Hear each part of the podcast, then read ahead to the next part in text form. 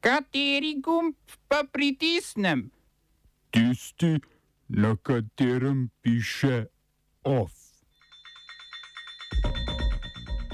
Predsedniške volitve v Libiji tik pred zdajci predstavljene. Turška vlada rešuje vrednost lire. Nekdani danski ministrici za priseljevanje oduzeli poslanski mandat. Gospodarski minister Počivalšek bi prepovedal izvoz elektrike. V kulturnih novicah gledališki eseji tako rekoč, ki prečijo meje med teorijo in prakso.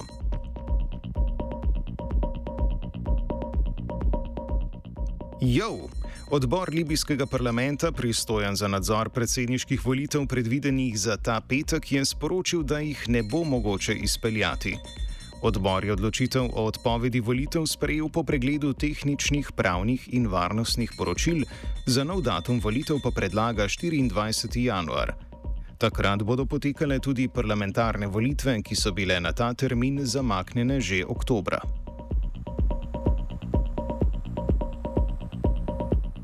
Da predsedniških volitev ne bo mogoče izpeljati 24. decembra, se je sicer nakazovalo že prej. Državna volilna komisija do tega trenutka namreč še ni objavila končnega seznama predsedniških kandidatov, je pa včeraj zvečer razpustila volilne odbore in tako efektivno onemogočila pripravo in izvedbo glasovanja. Kandidaturo za predsednika je vložilo 98 kandidatk in kandidatov, od katerih jih je zavrnila najmanj 25. Med vidnejšimi imeni potrjenih kandidatov so Kalifa Haftar, nekdani in de facto še vedno vodja libijske nacionalne vojske, ki obvladuje vzhod države, Saif al-Islam Gaddafi, sin nekdanjega libijskega diktatorja Muamerja Gaddafija in premijer mednarodno priznane prehodne vlade Abdul Hamid Dbejbah. Podporna misija Združenih narodov v Libiji je po odločitvi parlamentarnega odbora o odpovedi volitev v izjavi za javnost opozorila, da so zaznali mobilizacijo več oboroženih skupin v prestolnici Tripoli in da obstaja nevarnost spopadov, ki bi se lahko razvili v konflikt.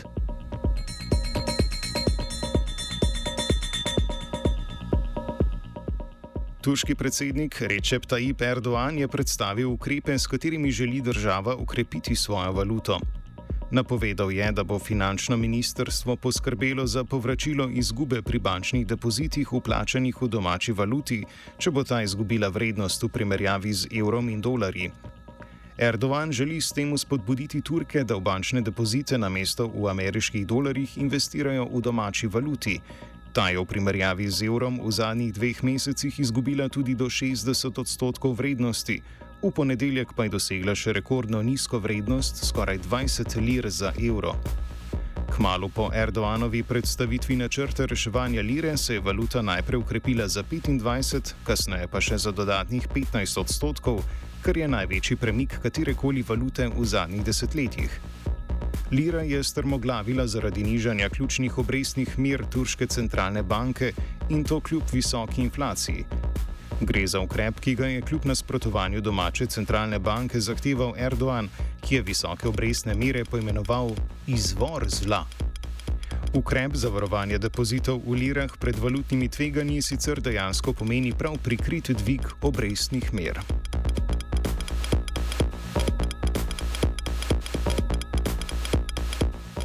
179-članski danski parlament je z 98 glasovi izglasoval oduzem mandata poslanki Inger Stojberg, nekdani ministrici za priseljevanje, ki je sodišče prisodilo 60-dnevno zaporno kazen.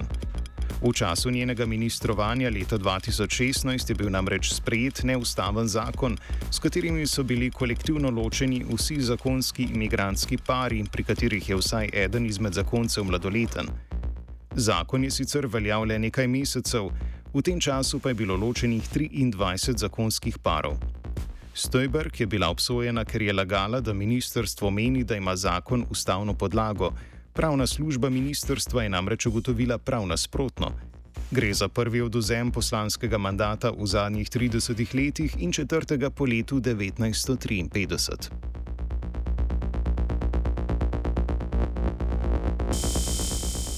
Svet Evropske unije je odobril dogovor med Evropsko unijo in Združenim kraljestvom o ribolovnih možnostih za prihodnje leto, ki ribičem unije omogoča uveljavljanje njihovih ribolovnih pravic v Atlantiku in Severnem morju.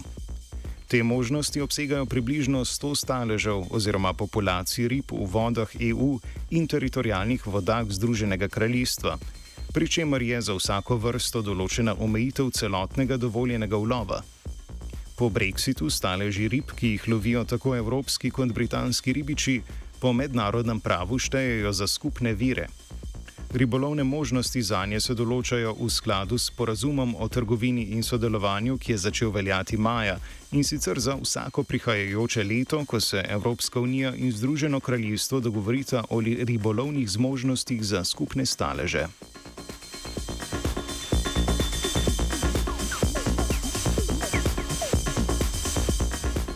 Albanija, Makedonija in Srbija so v okviru pobude Odprti Balkan sklenile dogovor o prostem pretoku svojih državljanov na albanskem, makedonskem in srpskem trgu dela.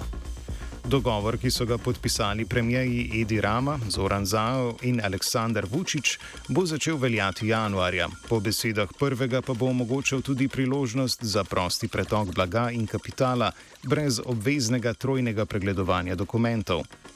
Srečanja se je po video povezavi udeležil tudi Evropski komisar za širitev Oliver Varheli, ki je podprl pobudo Odprti Balkan.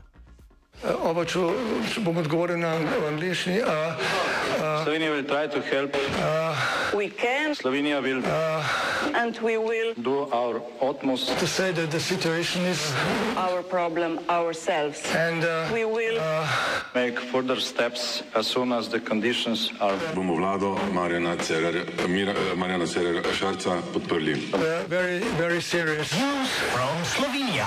We know how and we will. Ministr za gospodarstvo in tehnološki razvoj Zdravko Počivalšek je po sestanku z vodstvom obrtno-podjetniške zbornice predstavil možnost, da Slovenija z namenom zajezitve višanja cen v energetiki prepove izvoz električne energije proizvedene v Sloveniji. Poudaril je, da lahko država vpliva le na ceno elektrike, ki jo v Sloveniji sami proizvedemo. Te je za 85 odstotkov naših potreb, polovico izvozimo v tujino. Poleg tega je minister obrtnikom predlagal tudi fiksno ceno elektrike. Za komentar počivalškove izjave smo se obrnili na izrednega profesorja Andreja Gubino, predstojnika laboratorija za energetske strategije na Fakulteti za elektrotehniko Univerze v Ljubljani. Zdaj, stvar je taka, ne, če bi to naredili, bi morali tudi vedeti, kdo bi nam potem hotel prodati preostalih 15 odstotkov. Eh, lahko bi zagnali eh, elektrarne, ki jih imamo v rezervi, ki ne obratujejo, jih imamo samo za primer potrebe, recimo terciarne rezerve, kot primer termoelektrarno v Bristanici. Ta eh, je pa silno draga.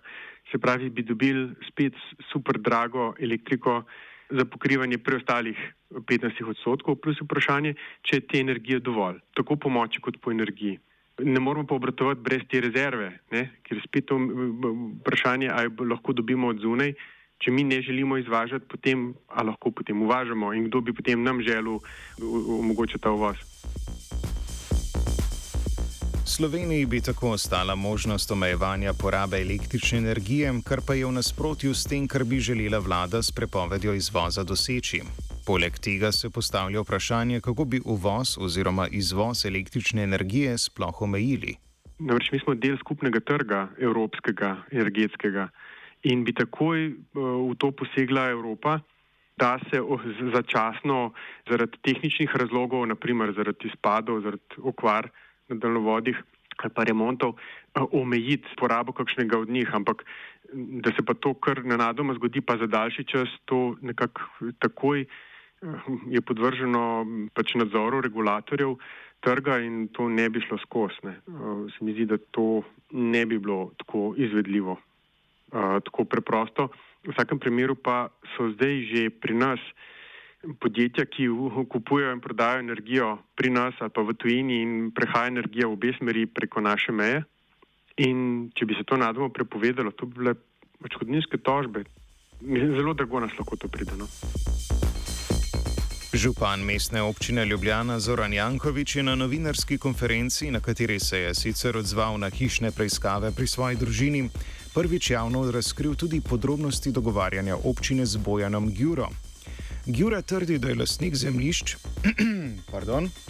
Gjura trdi, da je lasnik zemljišč med stanovanskimi bloki v Šišenski sosedski 6. Občina je bila več let v sporu glede tega lasništva, v zadnjem letu pa je začela podpirati njegova prizadevanja, da se štiri parcele na zelenicah med bloki naredijo zazidljive. Župan, ki se do sedaj ni želel odzivati na vprašanja novinarjev, je na novinarski konferenci potrdil dogovarjanja z Gjuro. Mestna občina je bila z Gjuro 15 let v sporu kako je on to kupil zemljišča, ne me sprašvati, je bilo pred mojim časom, preverili so na sodiščih, ostajal lesnik.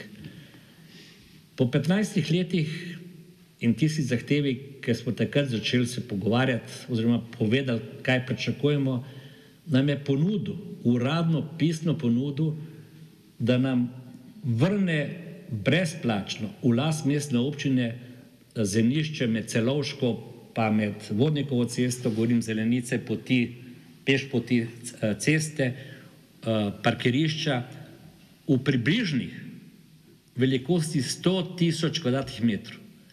Zato je prinesel predlog gospoda Arnautoviča, arhitekta tega naselja, ki je narisal štiri objekte. In mi bomo stanovalci zelo lahko uredili. Stanovalci hočejo parkirišča, mejte, sami se zamenjate, z veseljem. Stanovalci hočejo imeti zelenice, boste vi kosili, sam ne pol klica, da ni pokošeno. Tudi cesto ne bomo dali, to zdaj povem. Pa peš poti ne moramo dati, tega ne bomo dali. Ampak parkirišče absolutno damo, o zelenicah se bomo pogovarjali, ker so med bloki. Trditev, da je arhitekt sosedske Ilja Arnautovič predvidel še dodatne stanovanske objekte, sicer ni resnična, saj so načrti predvidevali zgolj dodatne šolske in zdravstvene objekte. Več v jutrišnjem offsajdu ob 17. uri. Off sta pripravila vajenka Magdalena in Fabian. Ker sem bil po noč mafiosko dejstvo, bilo nas je 50